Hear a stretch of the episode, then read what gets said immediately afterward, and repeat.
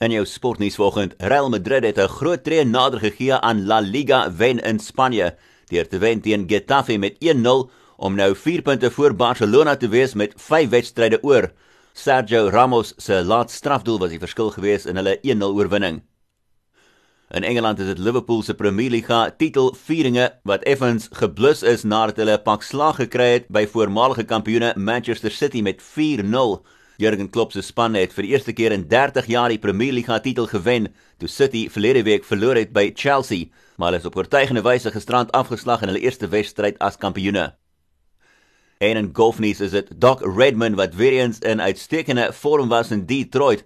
Hy het 7 van sy 8 voeltjies gesink op die laaste 9 gaatjies om die voorsprong te deel na die eerste ronde van die Rocket Mortgage Classic op die PGA Tour.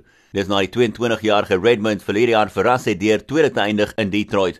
Hy was gesamentlik voorgewees na gister se eerste ronde saam met mede-Amerikaners Scott Stallings en Kevin Kisner wat ook gelê het op 700 baan syfer.